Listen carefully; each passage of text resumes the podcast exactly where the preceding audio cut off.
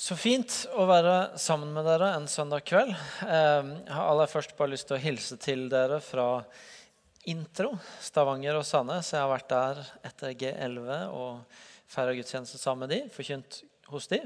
Eh, vet ikke om dere kjenner Intro, men det er en pinsemenighet som både møtes her i byen og i Sandnes. Og som akkurat som oss er utrolig opptatt av å bety en forskjell i denne byen, denne regionen. Eh, på ulike vis så inn i gode ting eh, og være med på å se at mennesket får møte en Gud som er god. Utrolig fine folk, flott kirke. De ba meg hilse. Det vil jeg gjerne gjøre. Hvis dere møter dem, så hei på dem, be for dem eh, og si at dere er glad for at de er der. For det er utrolig oppmuntrende at det er andre som også holder på med det samme. Så er det sånn at uh, Martin, som eh, pastor her på huset sammen med meg, Martin og Irene, de opplevde på eh, fredag kveld, sent fredag kveld natt at en de er onkel til, en ung gutt på 28 år, brått omkom i en bilulykke. Eh, derfor er ikke de med oss i kveld, men sammen med familien.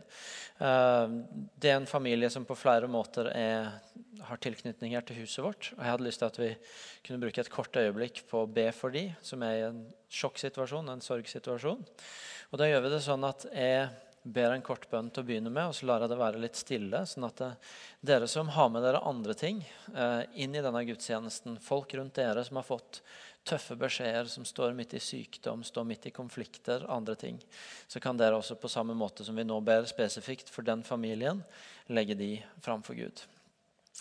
Far, eh, vi takker deg for at eh, også når vi går i det Bibelen kaller dødsskyggens dal, så går du sammen med oss. Uh, og vi ber deg spesielt for denne familien som har opplevd at en de var glad i, en sønn i huset, brått og uforståelig og helt uventa er blitt revet bort.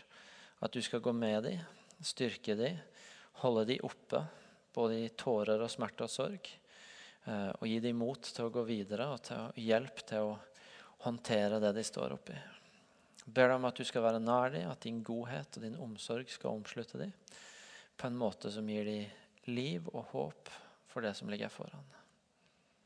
Så vil vi også, far, be for andre mennesker vi har med oss inn i dag, som, som ligger på hjertet vårt, og som, som står i tøffe ting, og be deg om din hjelp og din inngripen i de situasjonene.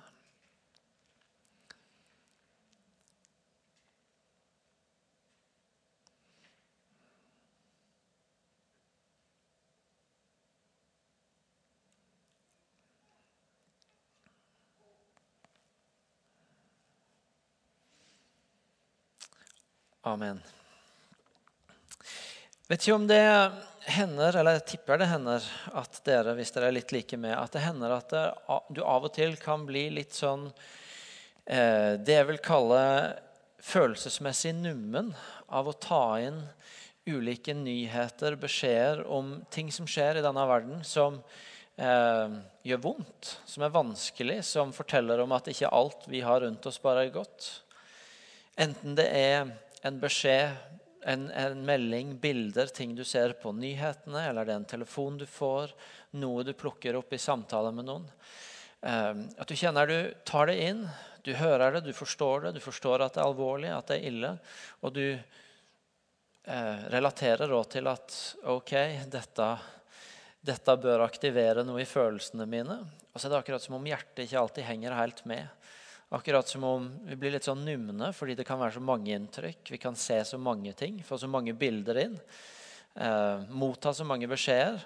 Og så er det som om du ikke helt eh, Akkurat som om hjertet ikke helt henger med på det hodet forstår. En kan kjenne seg litt sånn nummen. I dag så skal vi bruke litt tid i eh, to salmer fra Salmenes bok.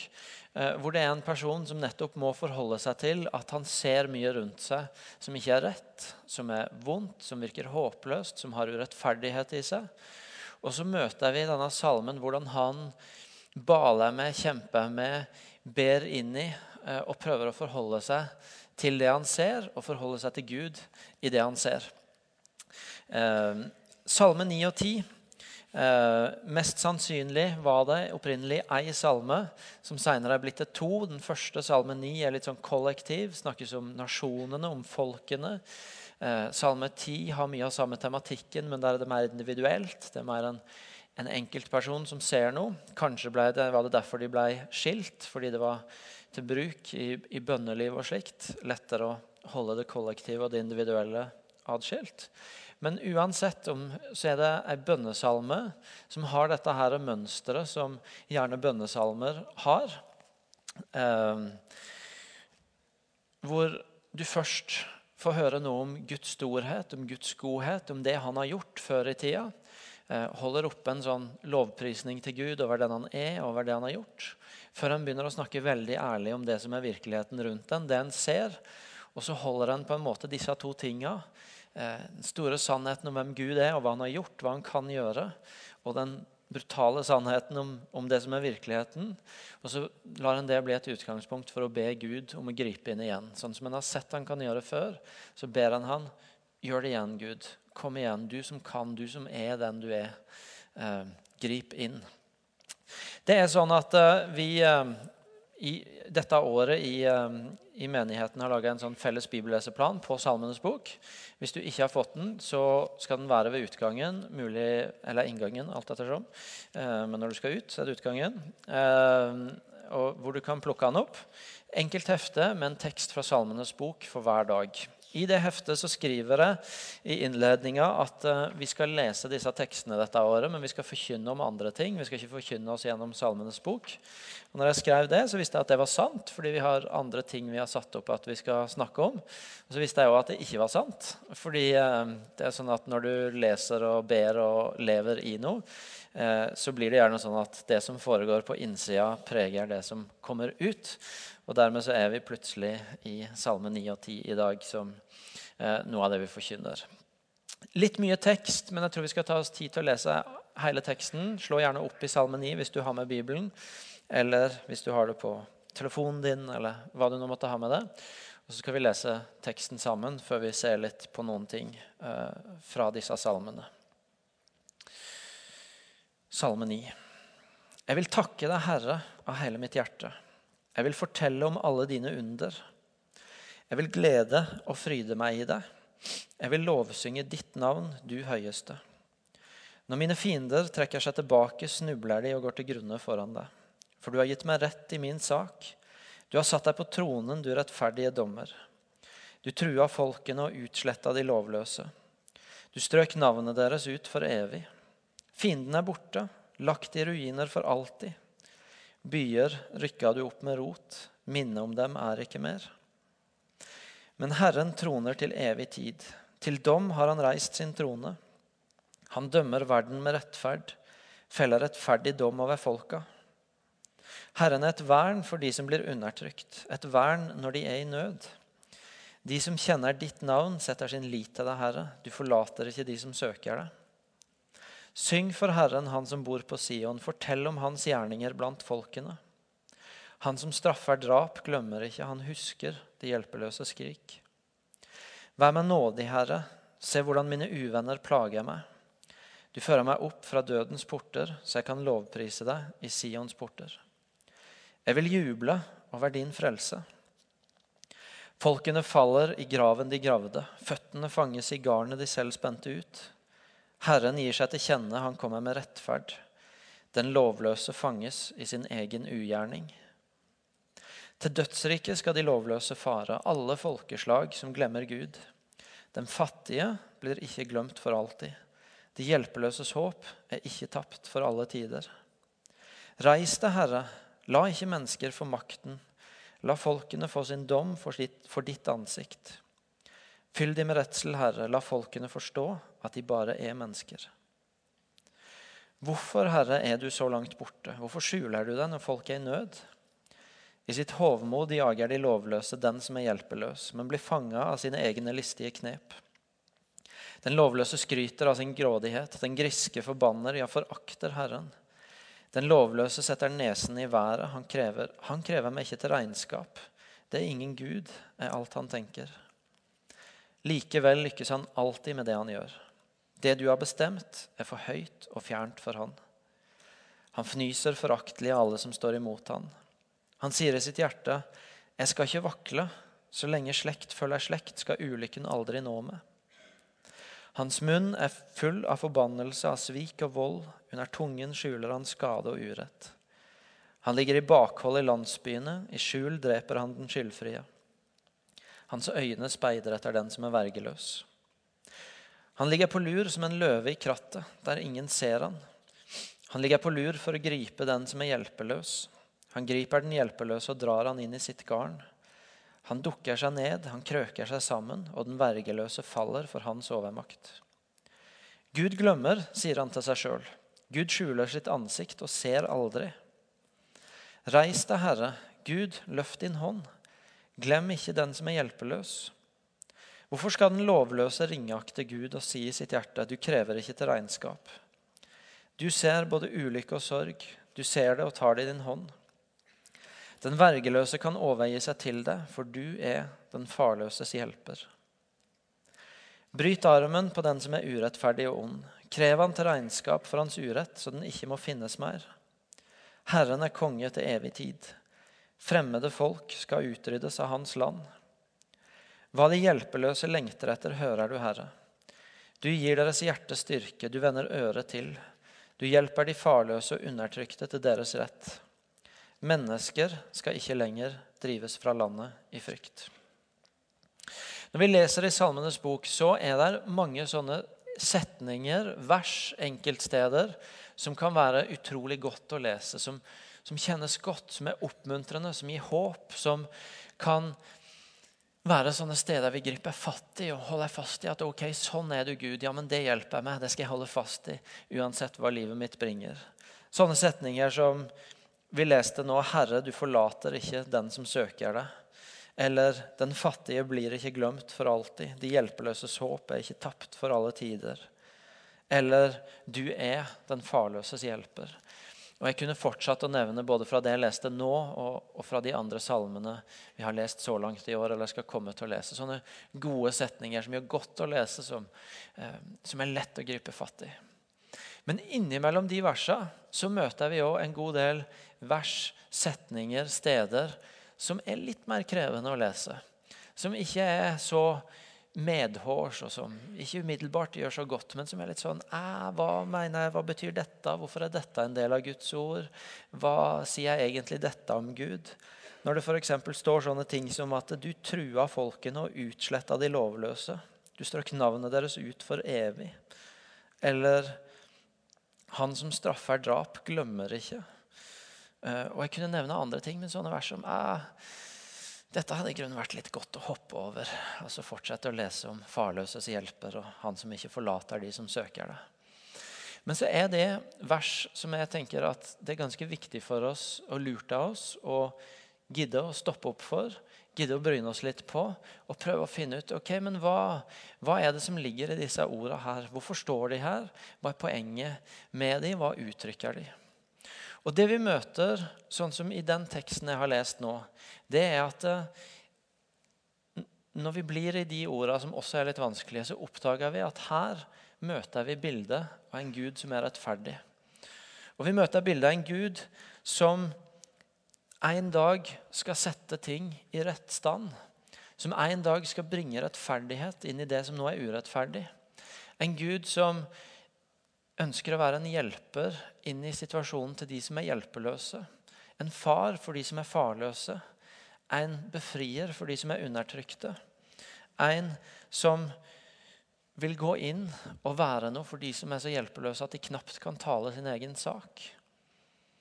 Inn i dette ved første øyekast kanskje litt skremmende bildet av en rettferdig Gud, så møter vi noe som det er veldig masse håp i. Et håp om at en dag skal det komme rettferdighet. At en dag skal en komme, Gud sjøl, være garantist for at ting blir satt i rett stand, for at hjelpeløse får sin rett, for at de som er i fange, får sin frihet, for at urettferdigheten får et svar. Det er i disse versene mye håp, sjøl om de i første omgang kan være noe å bryne seg på. og Derfor er de verdt å stoppe opp for. Det er en del teologer, både Martin Luther har sagt det, Dietrich Bonhoeffer har sagt det, sikkert andre kloke menn, som har sagt at Fader vår, den bønnen som Jesus lærer oss å be Når disiplene kommer til ham og så spør de Gud, Jesus, lær oss å be. Og så gir han de denne enkle, noen få, men veldig innholdsmetta setningene. Eh, som er Fader vår, den bønnen vi har lært å be. Eh, lærer å be i Det nye testamentet. Flere har sagt, Luther, Bonhoeffer og andre, at Fader vår det er nærmest oppsummeringa av Salmenes bok. Salmenes bok var bønneboka Jesus sjøl brukte. Eh, det var noe av bønnene Jesus sjøl ba. Og så sier de Fader vår er på en måte en sånn sammenfatning av alle de bønnene som du finner i bønneboka som heter Salmenes bok. Og Hvis jeg skulle gått inn i den teksten vi har lest i dag, den litt lange teksten, eh, men med alle de bønnene og de ropa som ligger der, så tenker jeg at det er en tekst som roper ut med Fader vår sine ord. La ditt rike komme, la din vilje skje som går inn i håpløse situasjoner, i vonde situasjoner, i situasjoner av smerte. I situasjoner hvor det ser ut som at de som bringer ondskap, de lovløse, som salmisten kaller det, eh, som, eh, som, Han beskriver hvordan de, de, får jo bare lov til å holde på. De, de turer fram med, med, sine knep og sin list og sin ondskap, og så ser det ut som at det går bra, som at de bare får lov til å holde på. Og så er det som om denne salmen er et sånt rop om om rettferdighet, om 'Komme ditt rike, Gud. Kom med din virkelighet. La din vilje skje.' Bryt igjennom i denne urettferdigheten, i denne lovløsheten, i det som ikke er som det skal være. Og så syns jeg det er interessant i det å legge merke til hva som skjer med salmisten sjøl mens han ber. For mens han ber, så er det som om det skjer et skifte i hans hjerte. Det er som om han går fra å, eh, å be eller som om bønnen hans går fra å være en sånn sinne mot de lovløse til å bli et rop for de hjelpeløse. At den går fra et sinne mot de lovløse til et rop for de hjelpeløse. Det skjer et skifte i hjertet hans, hvor noe av den nummenheten jeg snakka om i starten, begynner å, begynner å tas bort. Eh, hvor han begynner å bli, bli prega av den smerten han ser. Det begynner å berøre hans hjerte. Han begynner å, Istedenfor å rope ut om alt som er galt, så begynner han å rope for alle de som trenger at Gud kommer inn og betyr en forskjell og bringer sitt rike og bringer sin hjelp. Og så blir ikke energien så mye på, på alle de som bringer rundt, men på 'reis deg, Herre'. Bryt gjennom. Vær de farløses far. Vær de hjelpeløses hjelper. Vær de fattiges unnsetning. Det er som om i bønnen til Gud så så begynner noe å myknes opp i hjertet. Noe av nummenheten forsvinner. Et skifte i fokus ser, skjer. Han, han, begynner å få tak i noe av det som er Guds hjerte. Noe av det som er Guds holdning til mennesker i denne verden. Noe av det som er Guds vilje, og som han har lovt at, at han en dag skal bringe fullt og helt. Det begynner å, å komme mer og mer inn i han som ber sitt hjerte. Og så forandrer det han. Det forandrer bønnen hans, det forandrer fokuset hans. Og Han begynner å ta del i dette ropet som Jesus sjøl også kom med. Kom med ditt rike, far. Kom med ditt rike. La din vilje skje. Bryt gjennom med din rettferdighet. Um, sånn at eh, de som trenger din hjelp, kan få din hjelp. Uh, han får hjelp til å be den bønnen Jesus lærer oss å be. La ditt rike komme. La din vilje skje. Noe skjer i hjertet hans i bønn til Gud i fokus, i holdning, i hjertelag. Litt teologi basics. For noen av dere basics, for andre av dere nytt. Heng med uansett. Ehm, kirkas, kirka er både et og Når jeg snakker om kirka, så snakker jeg ikke om Imi-kirka spesifikt, selv om det er denne kirka vi holder på i her, men jeg snakker om alle slags kirker med alle slags navn, trossamfunn, måter å være på. Eh, Guds kirke er både et uttrykk for Guds rike på denne jorda, og det er meint å være en agent for Guds rike på denne jorda. Med det så mener at Kirka er både et sted som skal være et sånn møteplass, et punkt hvor du kan møte Guds rike, Guds virkelighet, på denne jorda, og erfare noe av hvem Gud er, og hva hans virkelighet er. Og så vet de fleste av oss som har hatt litt eller mye med kirka å gjøre, at det betyr ikke at kirka er fullkommen. Det er ikke alltid du kommer inn i ei kirke eller møter noen som er kristne og føler det som om du er kommet til himmelen. Eh, selv om vi skulle ønske det var sånn. Men forhåpentligvis så er det en del ganger en smak på det. Kirka er et sånt sted som er meint å være en, en, smak av Guds rike, en smak av Guds virkelighet. Det er et uttrykk for at Gud er nær, Guds rike er nær. Men så er det ikke bare en sånn utpost hvor hvis du går der, så får du litt av hva Guds rike er. Men kirka er også satt til å være den som bringer Guds rike til denne verden. Som, som nettopp er den stemmen som både ber, roper, men også går og bringer Guds rike nær i disse hjelpeløse situasjonene, i disse urettferdige situasjonene. Inn i de stedene hvor mennesker trenger at nå må Gud gripe inn, for jeg i meg sjøl har ingen sjanse. Kirka skal ikke bare være det stedet hvor hvis du kommer der, så, så, kan du få en smak av hvem Gud er, men det skal også være en sånn agent for Guds rike. Et sted som, eh, et fellesskap som, som bringer Guds rike inn i situasjoner i denne verden som trenger det. Og så er det sånn at uh, Kirkas viktigste verdi det er ikke bygg, det er ikke penger, selv om vi av og til snakker litt om det. Kirkas største verdi det er mennesker. Det er menneskene som utgjør kirka. Ikke bare er det kirkas største verdi, men kirka er mennesker. Kirka er legeme av mennesker som tror på Gud, som følger Jesus. Eh, men det er også sånn, viktig for oss å vite at kirkas største verdi det er mennesker. I denne kirka så har vi en sånn dypholdt tro på at alle mennesker, ethvert menneske, har i seg noe unikt, noe gudgitt, som det mennesket bringer til denne verden, og som kan være et utgangspunkt for at det mennesket kan bety en forskjell i denne verden. Uansett utgangspunkt, alder, erfaring, kunnskap, hvor mye dumt du har gjort tidligere i livet, så har vi denne troa på at du bærer noe unikt som Gud har lagt ned i deg, som kan bety en forskjell i verden rundt deg. I formiddag så døpte vi tre barn. Veldig små, veldig fine og litt høyrøsta når vi putta de ned i det bassenget. Um, og, og, de er jo så fine, ikke sant? Bare noen måneder gamle. Uh, de ligger der. Og det er lett å tenke at ja, når vi snakker om gudbilledlighet, om at du ser noe av Gud i mennesker fordi vi er skapt i Guds bilde, så er det lett å se på de og tenke at ja, jeg ser noe av Gud i dette nydelige, men akkurat nå litt skrikende lille nurket. Ehm, men så eh, Og så er det sant. Helt sant. Men så er det viktig for oss å huske at Gud ser ikke bare noe som er vakkert, som minner om hvem han er, som er unikt skapt i hans bilde. Men Gud ser også noe som har med framtida til det mennesket, til det lille barnet å gjøre. At det har noe i seg allerede nå som kan bety en forskjell til den verden det er født inn i. Og det gjelder for alle oss. Enten via disse små nurka, det er ikke så mange av de her, jeg har sett noen ligger bak der. Eh, men noen, de fleste av oss er litt større. Eh, så har vi dette unike med oss som gjør at eh, den største verdien kirka har, det er oss. Det er folk som er skapt av Gud, men har gudgitt med seg, som kan bety en forskjell i denne verden. Og så er det sånn at Den største verdien et menneske har, det er heller ikke penger eller status, eller andre sånne ting, men det er liv. Største verdien vi har, det er liv. Både i helt konkret forstand, veldig sånn konkret at eh,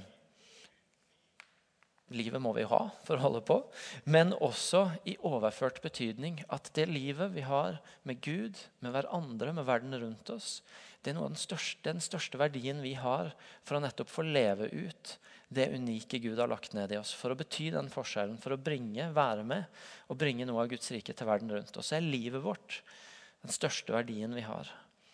Og Derfor så sier jeg Bibelen at bevar ditt hjerte framfor alt du bevarer, for livet ditt går ut av det.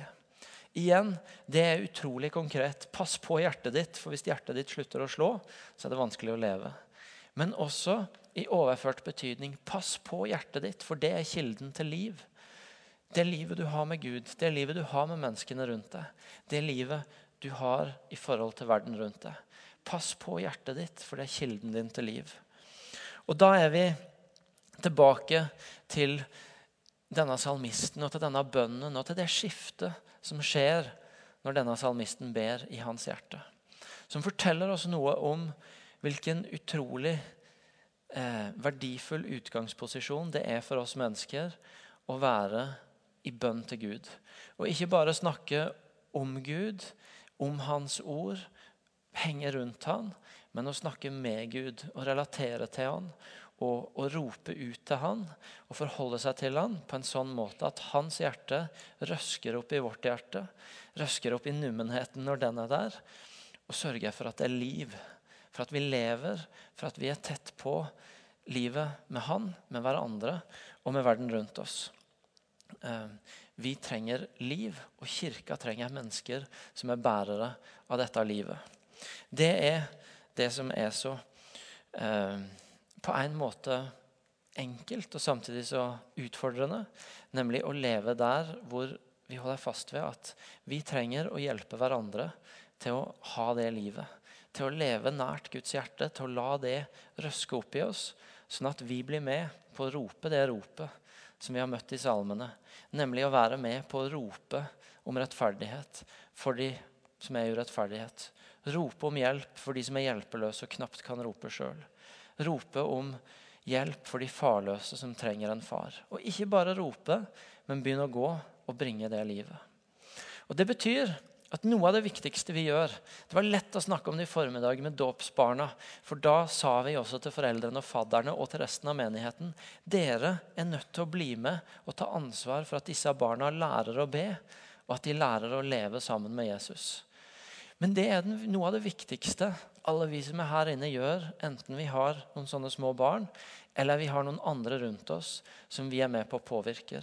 Det å utruste og hjelpe hverandre til å leve det livet til å dra hverandre nær til Gud i den bønnen som gjør at hjertet vårt fornyes, at livet vårt fornyes.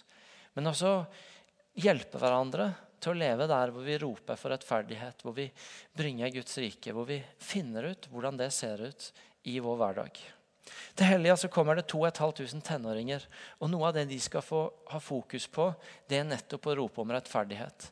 De skal ha et høyt fokus på 27 millioner mennesker som lever i det vi kaller for det moderne slaveriet. Som er utsatt for menneskehandel, og som er i fortvilte situasjoner. Og så skal unge mennesker tidlig i sitt liv få bli både utfordra, men også få hjelp til å ta del i noe av det ropet som vi har møtt i de salmene vi har lest i dag. Om rettferdighet, om hjelp, om, om inngripen, om Guds godhet til mennesker som sjøl er fanga, som sjøl er hjelpeløse skal de få gi av pengene sine, be bønnene sine. Eh, sette det på agendaen på en sånn måte at de er med på å bety en forskjell for mennesker som lever i urettferdighet. Og jeg tror at det er noe av det viktigste vi gjør for at den tidvis sovende kjempen som heter kirka, virkelig skal reise seg og være det håpet den er satt til å være for denne verden. Nemlig at mennesker ber til Gud sammen og lar hjertet røskes opp. Men også at vi lærer hverandre det livet. Gir det videre til andre. Gir det videre til noen av de du sitter ved siden av i dag. Noen av de du er i gruppe med. Noen av de du har innflytelse på. Noen av de som lytter til deg. På en sånn måte at flere og flere har hjerter og liv som roper om rettferdighet for en verden som trenger rettferdighet. Skal vi reise oss og be sammen?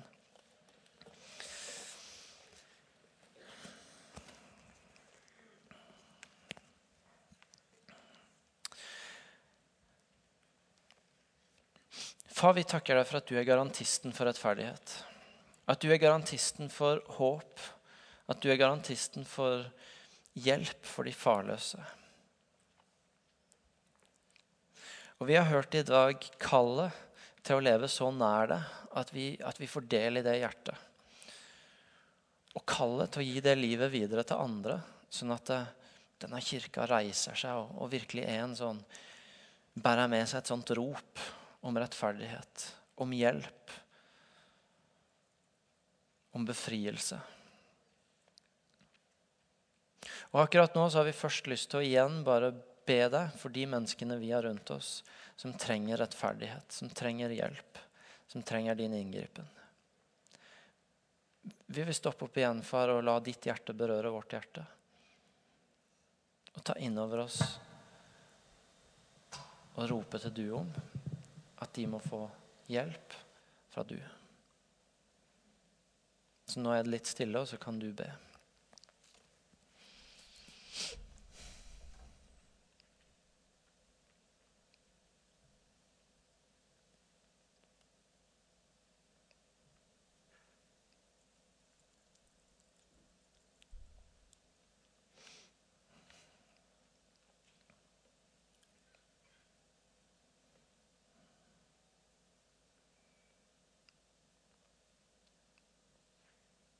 Men så tror vi òg, far, at noe av det du kaller oss til, det er å utruste andre. Hjelpe andre som allerede tror på deg, til å ta del i dette livet hvor vi roper om rettferdighet. Hvor vi bringer ditt rike inn i de mørke situasjonene, i de vanskelige situasjonene. Og Derfor har vi også nå lyst til å be for mennesker som du har satt rundt oss, som vi tror at vi kan få være med på å utruste, på å hjelpe videre i det livet. Så nå er det igjen litt stille, og så kan du be for noen som, som du tenker at de kan jeg være med på å lede inn i et liv hvor de bringer Guds rike nær.